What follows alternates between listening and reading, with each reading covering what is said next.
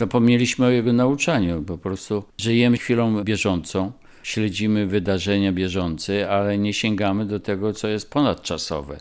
A ponadczasowe jest jego znakomite nauczanie w ciągu 27 lat pontyfikatu. On wszystko zostawił w naszym polskim języku, a więc uważam, że naszym obowiązkiem jest sięganie do jego nauczania i ciągle aktualizacja tego. Za mało się robi w Kościele. Z jego mądrości i jego nauczania pontyfikalnego korzystać dla naszych codziennych potrzeb.